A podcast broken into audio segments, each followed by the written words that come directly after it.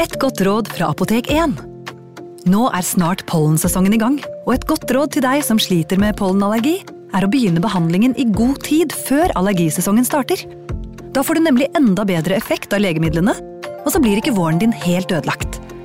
Kom innom og få råd på ditt nærmeste Apotek 1, eller chat med oss på apotek1.no. Apotek 1 vår kunnskap, din trygghet.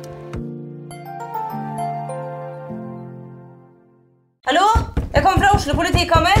Ine Jansen er purk. Er du purk? The motherfucking bitch. Alt jeg vil, er å finne ut hva som skjedde med mannen min. Jon Carew. Er jeg sikta for noe? Iben Akeli. Det er du. Ole So, Lars Berrum og Big Daddy Karsten. Hvem sin side er du på, egentlig? Anette Hoff, Tone Danielsen, Kommer du fra Afrika? Jørnis Josef, Nesten kløfta. Trond Espen Seim, Det er synd å si det, men det var feil mann som døde. Purk. Premiere tirsdag på TV2 Play. Ungsamtalen fra DNB er økonomisk veiledning tilpasset deg som er ung. Bokk en ungsamtale på dnb.no. slash ung. Det er kjempebra hvis du skal inn på boligmarkedet, hvis det er drømmen din, liksom. Det er det du skulle sagt. Og så kunne du ropt litt mer, da, sånn som jeg gjorde. Bam! Kjære lyttere. Denne uken er helt spesiell for meg og resten av redaksjonen, da den markerer et viktig jubileum. Det er nemlig fem år siden første episode av True Crime Podden ble publisert, og det vil vi feire. Da vi nådde 100 episoder, tok vi dere med tilbake til der det hele begynte, og gjenfortalte historien om Hinterkaifek. Nå ønsker vi å gi dere et gjensyn med en annen favoritt. Mysteriet om drapet på President Hotels rom 1046 slutter aldri å fascinere. Det er en historie med flere vendinger enn de fleste andre i det enorme true crime-universet, og fortsetter å skape hodebry den dag i dag. I denne spesialepisoden nøster vi opp i den over 80 år gamle saken og prøver å få oversikt over hva som egentlig foregikk på rom 1046. Men først, tusen takk til alle som har fulgt True Crime-podden gjennom disse fem årene. Denne er til dere. God fornøyelse, og hold det skummelt. Advarsel Denne podkasten inneholder skildringer av ekte drap og kriminalsaker som kan være støtende for enkelte. Det advares også mot sterke inntrykk i deler av episoden. Randolph Frops nærmest trampet nedover de teppelagte korridorene i tiende etasje på The Hotel President. Det hadde allerede vært en travel morgen på hotellet, og med lobbyen full av nye gjester var det på ingen måte dette han hadde mest lyst til å bruke tiden på.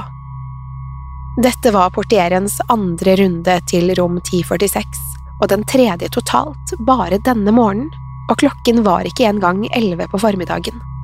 Fra så tidlig som klokken syv den morgenen hadde han banket på gjestens dør fordi røret på telefonen deres ikke satt skikkelig på. Det resulterte i en irriterende during på sentralbordet som forstyrret telefonoperatøren. Probst hadde ikke fått kontakt med gjesten da, og da en annen kollega av ham hadde gått opp en time senere, ble han selv nødt til å legge røret tilbake på telefonen. Den merkelige gjesten hadde da ligget naken på sengen, utslått etter det som måtte ha vært en svært fuktig kveld. Portieren bannet lavt for seg selv idet han nærmet seg døren til rom 1046.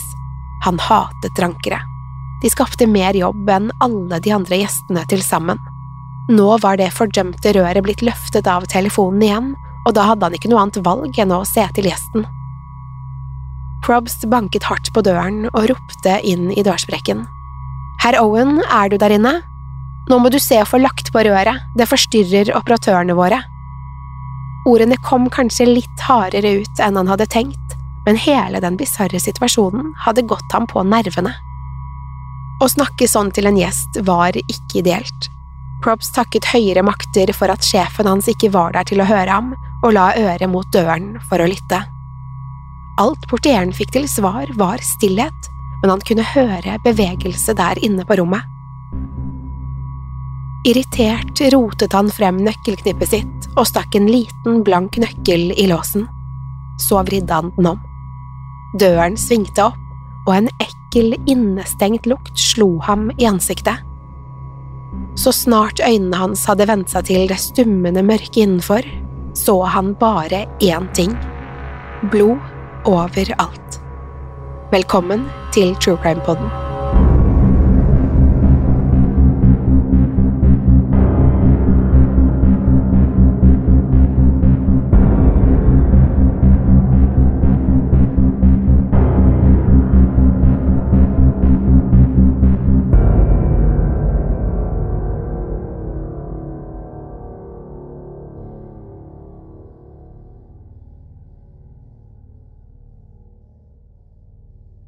Helt siden åpningen i 1926 hadde The Hotel President vært et populært overnattingssted. Hotellet i hjertet av Kansas City, Missouri hadde huset alt fra celebre gjester til forretningsmenn og familier, og i 1928 ble hotellet til og med brukt til å avholde republikanernes landsmøte. Det var her selveste Herbert Hoover skulle utnevnes til partiets presidentkandidat. Likevel er det noen ganske andre som regnes som hotellets mest beryktede gjest, og han skulle sjekke inn tidlig på ettermiddagen den 2. januar 1935. Klokken var litt over ett, og en høy, dresskledd mann steg inn i lobbyen. I resepsjonen sto portier Randolph Probst, som straks bet seg merke i mannen. På mange måter minnet den nye gjesten om alle de andre mennene som til enhver tid vandret inn og ut dørene på The Hotel President. Likevel var det noe spesielt ved ham. Probst kunne ikke riktig plassere mannens alder. Han var på en måte ung og godt voksen på samme tid. De blå øynene lyste av liv, samtidig som tydelige viker vokste seg bakover i hårfestet hans. Det var heller ikke alt. Idet mannen nærmet seg resepsjonsdisken, la Probst merke til et stort, synlig arr ved den venstre tinningen hans. Det var akkompagnert av et voldsomt tilfelle av blomkåløre, som om han nylig hadde fått seg en skikkelig ørefik. Kanskje var han profesjonell bokser eller bryter? Det var i alle fall det som gikk gjennom portierens hode. Da mannen kom bort til disken, ba han om et rom for en natt. Det skulle være i de øverste etasjene og helst ikke ha vinduer ut mot gaten. Probst så over romlistene og så snart at rom 1046 var ledig. Det var helt oppe i tiende etasje og hadde vindu ut mot en indre bakgård. Der skulle nok mannen få den freden og roen han var ute etter. Mannen så ut til å være fornøyd med romforslaget og fylte ut et registreringskort. Der oppga han navnet sitt som Roland T. Owen og skrev at han var fra Los Angeles. Mens han skrev, fortalte Owen at han var kommet fra The Muleback Hotel like nede i gaten, hvor de hadde tatt hele fem dollar for natten. Det hadde vært mer enn Owen var villig til å betale, derfor hadde han reist videre til Hotel President. Da Owen var ferdig med utfyllingen, kom Probst rundt disken for å vise ham til rommet. Det var da han la merke til at Owen ikke hadde med seg noen bagasje. Probs spurte om mannen hadde satt igjen koffertene sine utenfor, men da bare ristet han på hodet. Ifølge mannen hadde han alt han trengte i lommene på frakken sin. Med et lite flir trakk Probst på skuldrene før han ledet Owen gjennom resepsjonen til heisen. Så snart de var kommet til tiende etasje og Probst hadde vist mannen til rom 1046, trakk Owen tre gjenstander ut av frakkelommene. Det var en hårbørste, en tannbørste og en liten tube tannkrem. Mer så han ikke ut til å ha pakket med seg. Propst unnskyldte seg og skulle til å gå, men innså snart at Owen ble med han ut av rommet igjen. Da portieren spurte om han skulle låse døren, virket Owen merkelig interessert i låsemekanismen. Han ville vite hvordan låsen virket fra innsiden kontra utsiden. Props forklarte at rommet ikke kunne åpnes fra utsiden om den var låst innenfra. Owen takket for hjelpen og sa han hadde en tendens til å bli litt paranoid på slike steder, da man aldri kunne vite hvem som bodde vegg i vegg. Likevel ville han ikke at Probst skulle låse døren. Owen forklarte at han hadde noen venner som skulle komme litt senere, og han ville ikke at døren skulle være låst om de ankom før ham. Alt dette virket merkelig for Probst, men han gjorde som gjesten ba om. Dermed fikk Owen nøkkelen, og sammen tok de heisen ned til lobbyen igjen. Over de neste dagene skulle Probst tenke mye på gjesten på rom 1046. Likevel skulle han ikke se mannen på et par dager. Det skulle derimot en av hotellets stuepiker, Mary Soptic. Hun skulle til gjengjeld få en rekke underlige møter med den mystiske gjesten. Den første gangen var litt senere den samme ettermiddagen, da Soptic kom for å vaske og rydde. Hun hadde tatt fri dagen i forveien og ble overrasket da hun så Owen der inne. Sist hun jobbet, var det en kvinne som bodde der, og hun hadde ikke fått med seg at det var kommet en ny gjest. Det var heller ikke det eneste som overrasket stuepiken. Ifølge henne var gardinene trukket helt for, til tross for at det var sent på ettermiddagen. Owen satt der inne, kun i lyset fra taklampen. Soptic unnskyldte seg og var i ferd med å gå, men mannen i rommet stanset henne. Han sa at det ikke var noe problem, og at hun gjerne måtte vaske om hun hadde tid.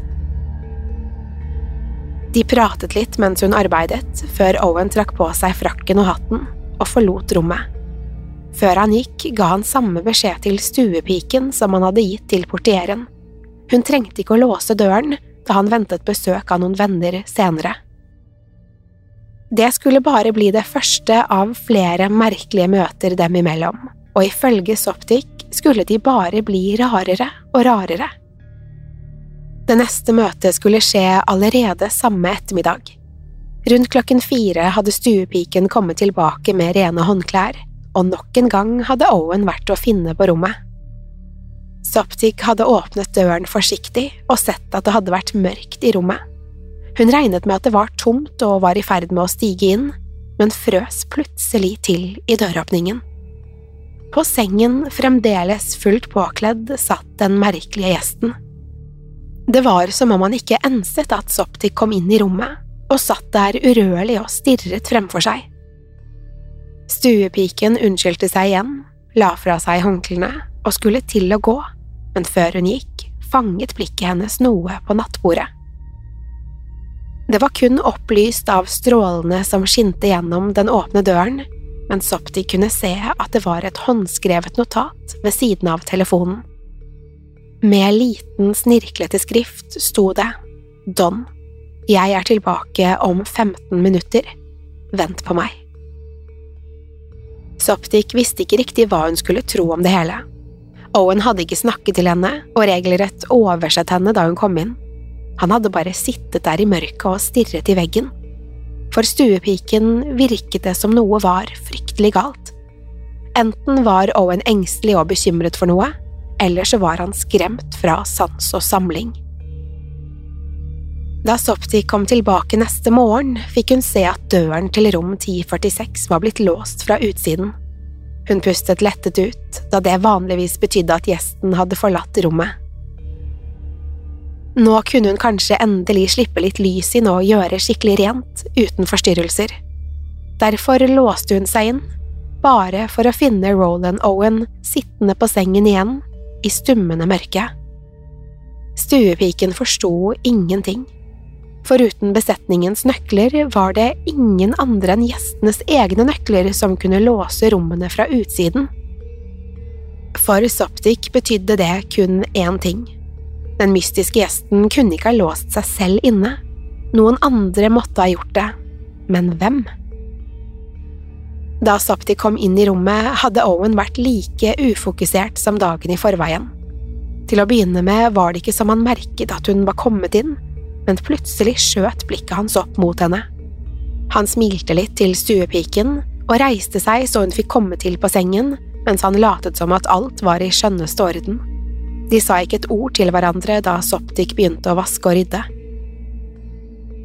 Plutselig hadde telefonen på rommet ringt. Owen hadde unnskyldt seg og plukket opp røret. Det som fulgte, var ifølge Soptic en merkelig samtale. Hun kunne ikke høre hva som ble sagt i den andre enden, men Owen virket irritert og skjelven da han svarte. Det var til tross for at ordene hans var relativt dagligdagse. Det kunne virke som personen i den andre enden, som Owen kalte Don, inviterte ham med ut på frokost. Til det hadde Owen sagt gjennom sammenbitte tenner at han ikke var sulten, og at han akkurat hadde spist. Fremdeles med røret i hånden hadde Owen plutselig snudd seg mot Soptic og spurt om hun hadde ansvaret for å vaske hele etasjen. I tillegg ville han vite hvor lenge gjestene på hotellet vanligvis bodde der.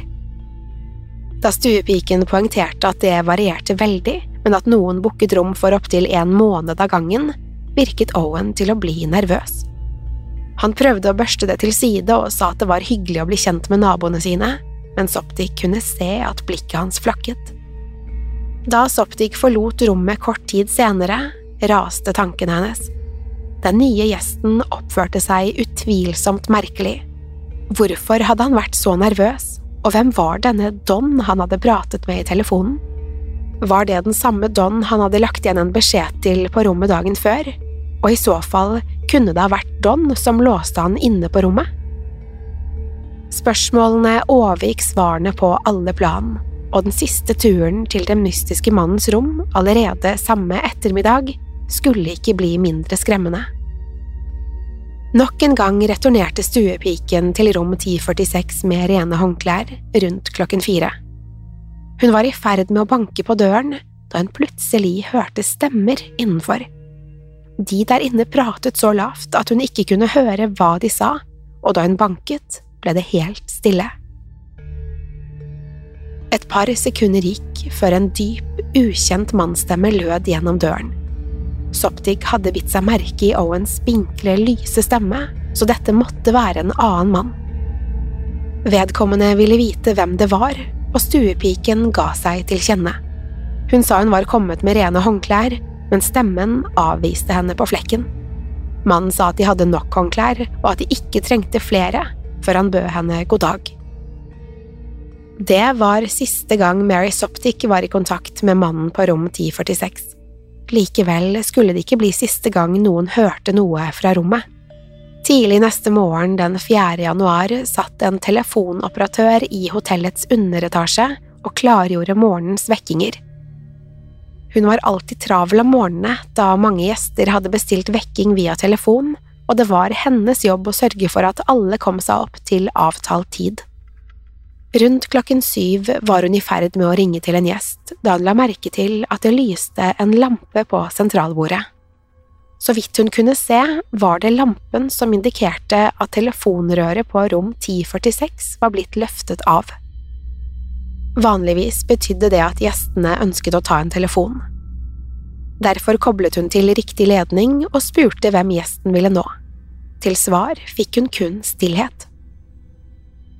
Dette var i utgangspunktet ikke noe å bekymre seg over. Det kunne jo hende gjesten på rom 1046 bare hadde snudd seg i søvne og prestert å dytte røret av telefonen ved et uhell. Likevel var det ikke til å komme unna at den konstante duringen fra sentralbordet var irriterende og forstyrrende. Den fortsatte i flere minutter før operatøren til slutt ba portieren Randolph Propst om å gå opp og se til Owen. Probst tok heisen opp til tiende etasje, og selv om det nå hang et ikke forstyrr-skilt på døren, banket han på. Fra den andre siden av døren hørte han en grøtet stemme som ba ham komme inn. Da Props ropte tilbake at døren var låst fra innsiden, og at han ikke kunne åpne den, ba mannen der inne ham å slå på lyset. Dette var naturlig nok heller ikke noe Props kunne gjøre fra utsiden, og da han ikke fikk mer svar, ba han bare gjesten om å legge på røret på telefonen. Så gikk han tilbake til resepsjonen. Til tross for forespørselen skulle linjen fortsette å dure. Da klokken var blitt halv ni, hadde operatøren fått nok og sendte en annen portier, Harold Pike, opp til tiende etasje for å undersøke. Der hang skiltet fremdeles på døren, men denne gangen var døren låst fra utsiden Altså hadde noen forlatt rommet og låst etter at Probst hadde vært der. Dermed kunne også Pike låse seg inn. Inne på rommet var det bekmørkt, men i lyset fra døren kunne portieren se at hele det lille bordet hvor telefonen sto, var blitt slått over ende. Pike snek seg bort til bordet og satte både det og telefonen på plass igjen, men da han snudde seg for å gå, skvatt han så han nesten veltet bordet igjen. På sengen, fullt eksponert, lå en naken mann. Mannen virket fullstendig utslått, kanskje etter en fuktig natt, men Pike kunne se at han pustet, så han listet seg så stille han kunne ut av rommet. Det siste han så før han lukket døren bak seg, var likevel flere mørkerøde flekker på lakenet. Da han kom ut i gangen, overbeviste han seg selv om at det måtte ha vært skygger, men Pike hadde en ekkel følelse da han gikk ned i resepsjonen igjen. Pike fortalte hva han hadde sett, og at han hadde satt telefonen på plass. Likevel nevnte han ikke de røde flekkene på lakenet. Endelig var det blitt stille på sentralbordet, og alt så ut til å være tilbake til normalt. Det var helt til to timer senere, da det begynte å lyse i lampen til rom 1046 igjen. Nok en gang var det Propst som ble sendt opp til rommet for å undersøke. Da han ikke fikk noen svar på bankingen sin, låste han seg inn. Det var fremdeles mørkt i rommet, men Roland Owen lå ikke lenger på sengen. I stedet satt han på alle fire på gulvet, like inntil døren. Fra hodet hans strømmet det store mengder ferskt blod. Prop skrudde på lyset og fikk se at det ikke bare var Owen som var blodig, men også alt annet i rommet. Det var blod overalt, på veggene, i sengen, til og med i taket. Frykten grep om portieren, som ikke engang undersøkte om gjesten var ok, før han spurtet ned til lobbyen for å hente hjelp. Snart kom han tilbake med hotellsjefen, og sammen dyttet de opp døren. Likevel skulle det vise seg å være lettere sagt enn gjort. På innsiden hadde nemlig Owen flyttet på seg og så ut til å ligge og sperre for døren. Hotellsjefen fikk derfor tak i en lege, og da han kom, gled døren enkelt opp. Gjesten på rom 1046 hadde flyttet seg igjen og kommet seg over i badekaret. Det ble snart åpenbart at dette var langt mer alvorlig enn først antatt. Hotellsjefen hadde regnet med at Owen hadde ramlet og slått seg stygt, men da legen undersøkte ham, viste det seg å være mye mer grusomt enn som så. Rundt hender, føtter og hals var Owen blitt bundet med tørkesnor. I tillegg hadde han flere alvorlige flenger i brystet og store røde merker rundt halsen, som om han var blitt kvalt. Til slutt kunne legen se at han var blitt slått i hodet med en slik kraft at skallen hadde sprukket opp. Noen hadde knivstukket, kvalt og slått Owen før de bandt ham sammen, men hvem kunne det være? Politiet ble straks tilkalt, mens legen fortsatte å undersøke Owen, som bare så vidt var bevisst. Mens de ventet, kunne legen konkludere med at skadene på Owens kropp var blitt påført mange timer i forveien, sannsynligvis rundt fire- eller femtiden den samme morgenen. Da legen klippet opp tørkesnoren som bandt mannen, hadde han umiddelbart kastet seg mot vasken og skrudd på vannet. I en slags tåke virket det som han trodde han bare kunne vaske seg ren og at alt ville bli bra, men snart segnet han nesten om på gulvet. Sammen med portieren og hotellsjefen fikk legen grepet tak i Owen og løftet ham over til sengen. Noen minutter lå Owen og pustet tungt før politiet endelig ankom rom 1046. Mens åstedsgranskere undersøkte rommet, satte etterforskningslederen seg på sengekanten og så alvorlig på Owen. Etterforskeren ville vite hvem som hadde skadet ham, men da bare ristet Owen på hodet. Ifølge Owen, som kjempet for å holde seg bevisst, var det ingen som hadde gjort ham noe. Han hadde bare falt og slått seg i badekaret. Det var ingen tvil om at det var en løgn. Et fall kunne aldri påført ham slike skader. Likevel nektet han å si noe mer til etterforskerne. Derfor ble det bestemt at Owen skulle fraktes til sykehuset og heller avhøres når han var kommet til seg selv. Det skulle de aldri få mulighet til. I ambulansen på vei til sykehuset forsvant Owen inn i koma, og innen midnatt den 5. januar var han død. Saken om den mystiske gjesten på rom 1046 hadde plutselig utviklet seg til en drapsetterforskning. Roland Owen var død, og noen hadde drept ham. Spørsmålet var bare hvem, og hvorfor.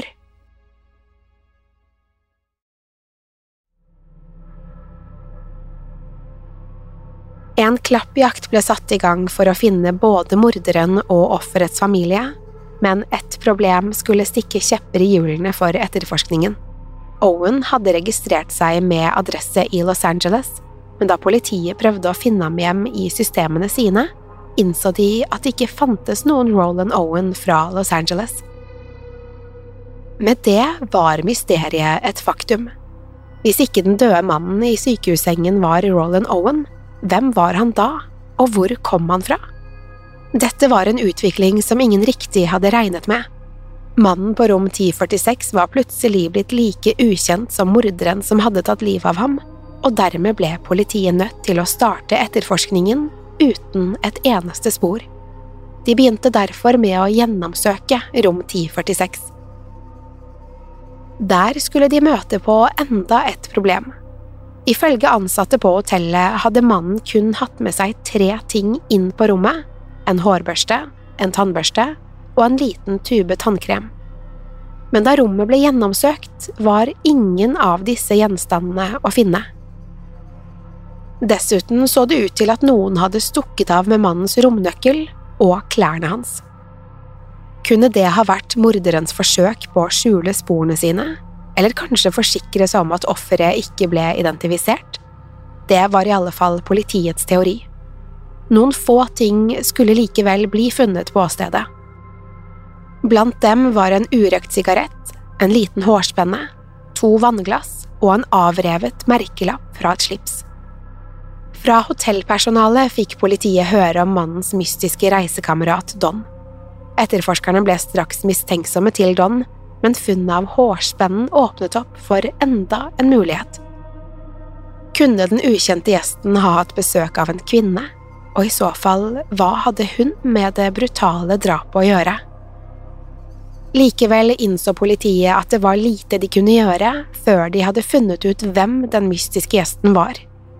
Uten noen skikkelige spor gjorde politiet noe som i dag ville vært utenkelig i en drapssak. I håp om at noen skulle kjenne ham igjen, åpnet de opp for at allmennheten skulle få se liket. Over tusen mennesker skal ha vært innom likhuset, men ingen kunne med sikkerhet si hvem mannen var. Likevel forble mannen slik tilgjengelig for befolkningen, mens politiet avhørte hotellets ansatte. Portierene Randolph Probst og Harold Pike og stuepiken Mary Soptic var politiets viktigste kilder. De hadde alle vært i kontakt med den avdøde og kunne kanskje sitte på viktig informasjon. Det var tydelig at den ukjente mannen hadde holdt mye for seg selv, men både Propst og Soptic hadde hørt ham nevne et annet hotell, The Muleback Hotel, hvor han hadde tilbrakt en natt. Da politiet kontaktet hotellet, var det ingen ved navn Roland Owen som hadde bodd der den siste tiden. Likevel var det en mann som påsto at han var fra Los Angeles, og som hadde bedt om et rom uten utsikt til gaten, akkurat som den mystiske gjesten på Hotell President. Navnet han hadde oppgitt, var Eugene K. Scott. Politiet var sikre på at det måtte være snakk om samme mann, men at han også her hadde oppgitt falskt navn. Det var ingen Eugene K. Scott fra Los Angeles, og dermed var de like langt. Ukene gikk, og ingen flere spor dukket opp. Det var heller ingen som gjenkjente liket av mannen på rom 1046, og dermed ble det bestemt at han skulle begraves. Uten en skikkelig identifikasjon ble det avgjort at han skulle gravlegges på statens regning. Elleve uker etter likfunnet, i mars 1935, skrev en av byens største aviser om begravelsesplanene. Kort tid senere skulle avisens redaktør motta en merkelig telefon. En kvinne ringte avisens kontorer og sa at de hadde feil informasjon i saken. Roland Owen skulle ikke begraves i noen fattigmannsgrav.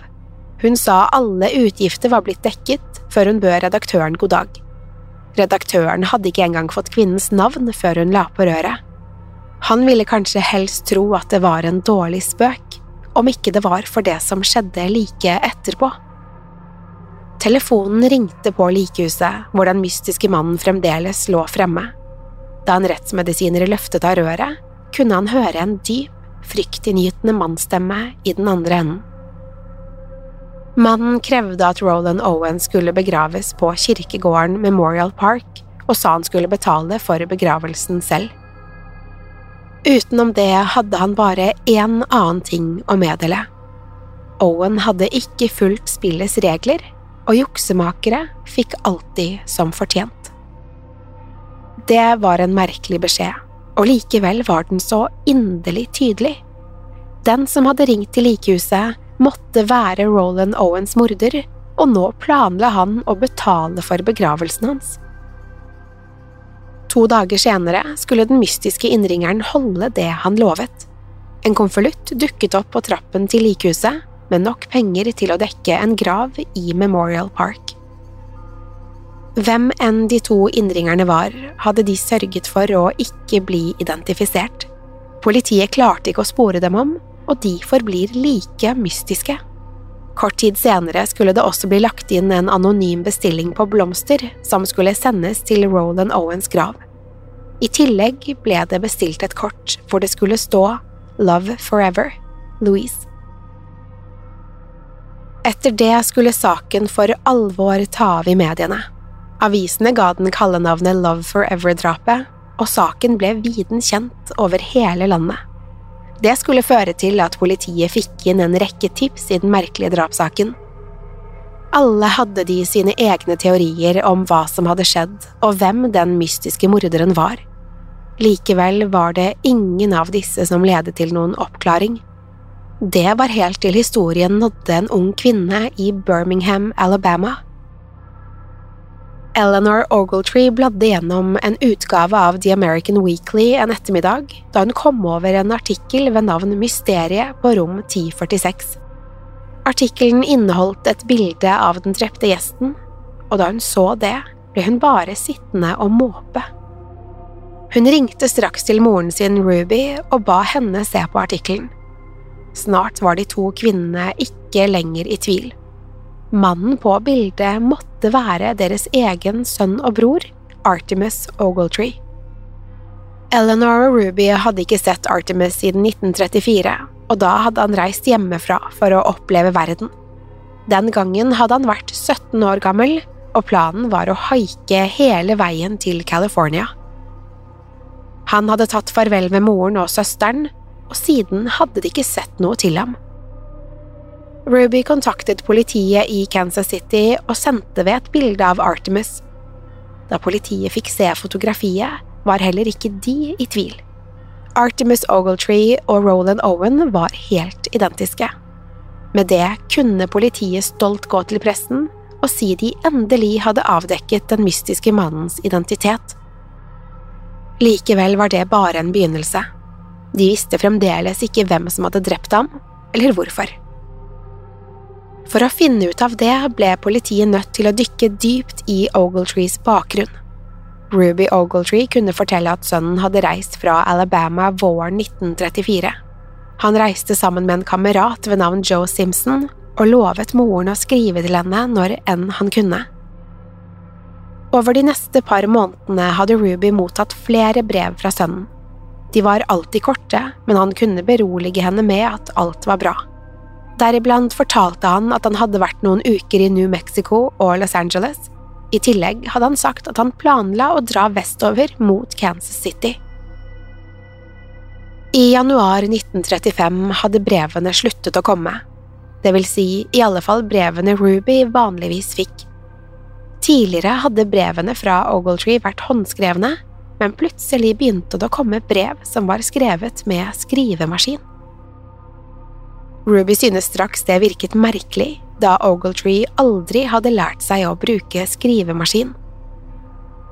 I det første brevet hadde sønnen skrevet at han var i Chicago og var på vei videre til New York City. Det var noe ved dette brevet som tente en bekymring i Rubys bryst. Sønnen skrev ikke slik han pleide. Han var langt mer detaljert og allikevel så diffus i skrivemåten. Bekymringene bare vokste da et nytt maskinskrevet brev fra sønnen dukket opp i postkassen. Der skrev han at han planla en tur til Europa. I april 1935 skulle hun motta enda et brev. Der skrev sønnen at han hadde fått plass på et skip til Frankrike, og at han ikke ville at hun skulle skrive tilbake før han hadde fått seg en permanent adresse i Paris. Likevel skulle det aldri komme noen adresse i posten. I stedet fikk Ruby en telefon i august fra en mann i Memphis, Tennessee. Mannen påsto at han var Ogletrees venn, og sa at han hadde møtt ham i Kairo. Ruby stusset over dette, da det siste hun hadde hørt var at sønnen var i Paris. Likevel kunne den ukjente mannen fortelle at Ogletree hadde reddet livet hans i et møte med banditter i Egypt. Mannen påsto Ogletree var blitt skadet i angrepet, og at det var derfor han ikke kunne skrive til henne.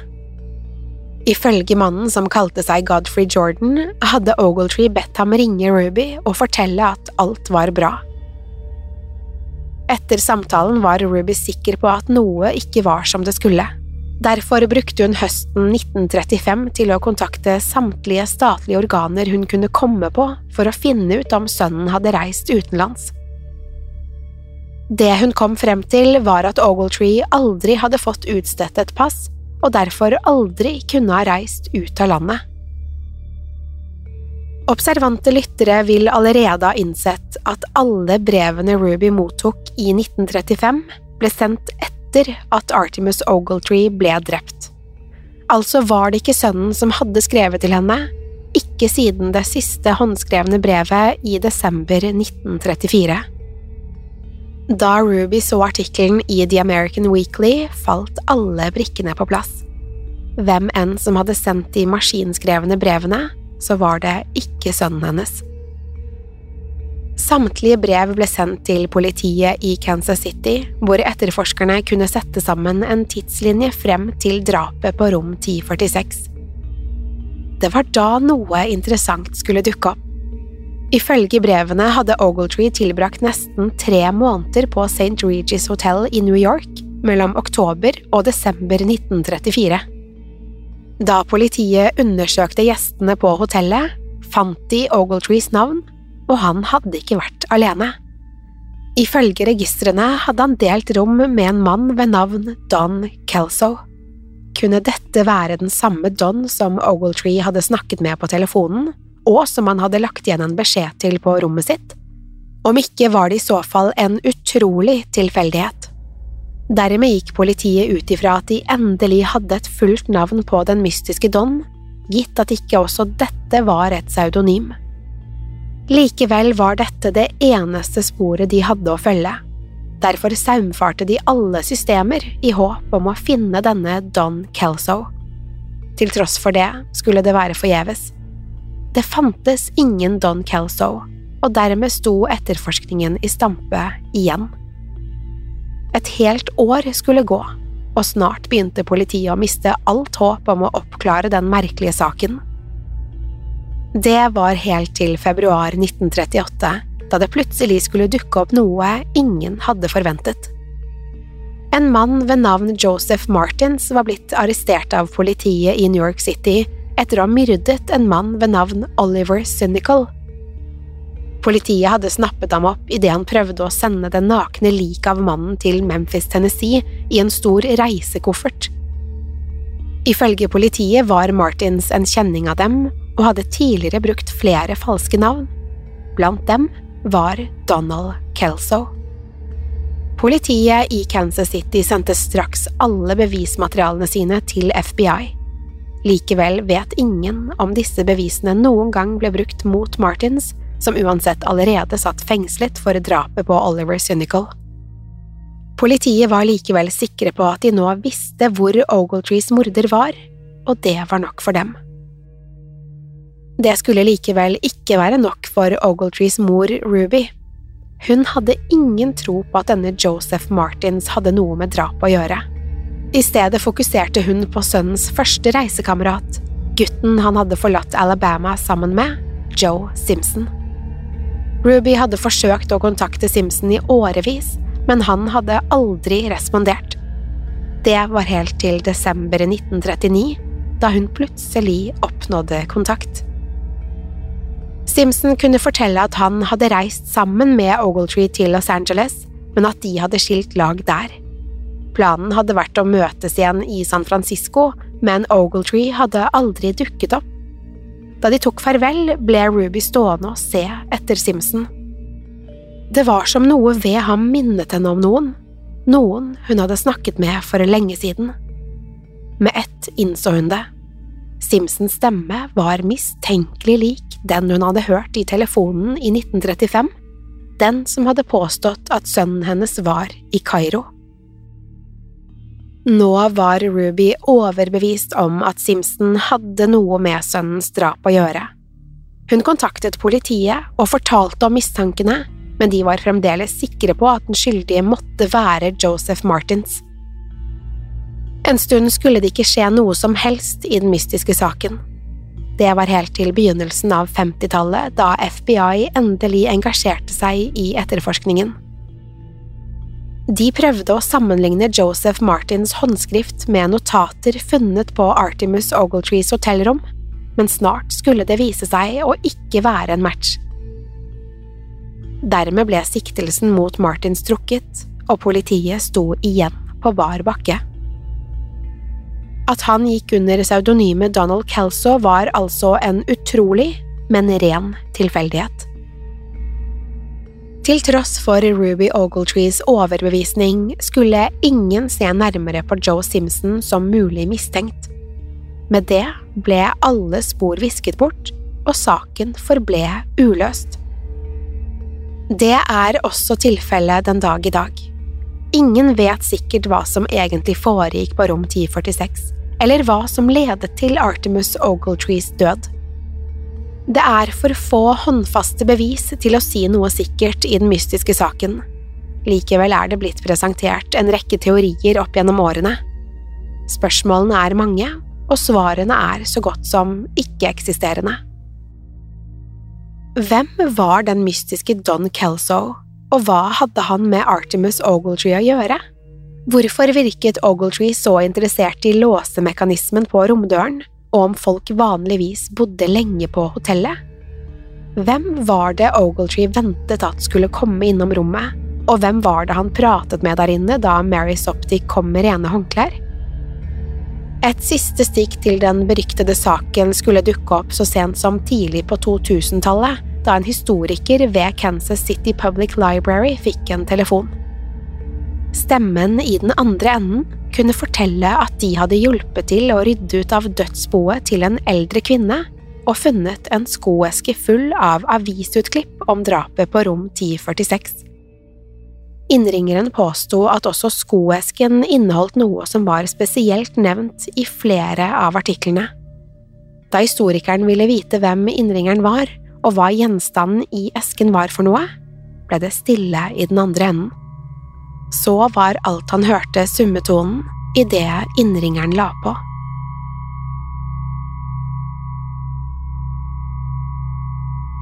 Det ble siste ord i den merkelige saken. Ingen vet hvem den mystiske innringeren var, hva vedkommende hadde i sin besittelse, eller hvem kvinnen som eide skoesken var. Kanskje var det noen av de savnede gjenstandene fra rom 1046, eller bare et forsøk på en spøk? Det er det ingen som kan si sikkert. Til slutt sitter vi igjen med flere spørsmål enn svar, og vi får kanskje aldri vite hva som egentlig foregikk på Hotel Presidents rom 1046.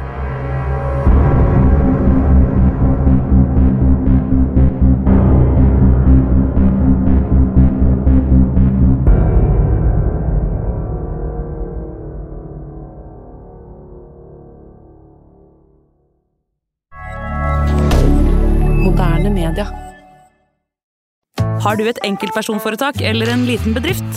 Da er du sikkert lei av å høre meg snakke om hvor enkelt det er med kvitteringer og bilag i fiken, så vi eh, gir oss her, vi. Fordi vi liker enkelt. Fiken superenkelt regnskap. Hei! Takk for at du lytter til True Crime Podden. Skulle du ønske at du kunne høre en ny episode av denne podkasten hver eneste uke?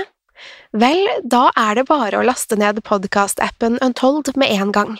I tillegg til ukentlige episoder av podkaster som Skrekkpodden, Synderne og Henrettelsespodden, får du masse annet reklamefritt og eksklusivt innhold. Last ned Untold i AppStore eller Google Play, og start din 30 dagers prøveperiode i dag. Untold.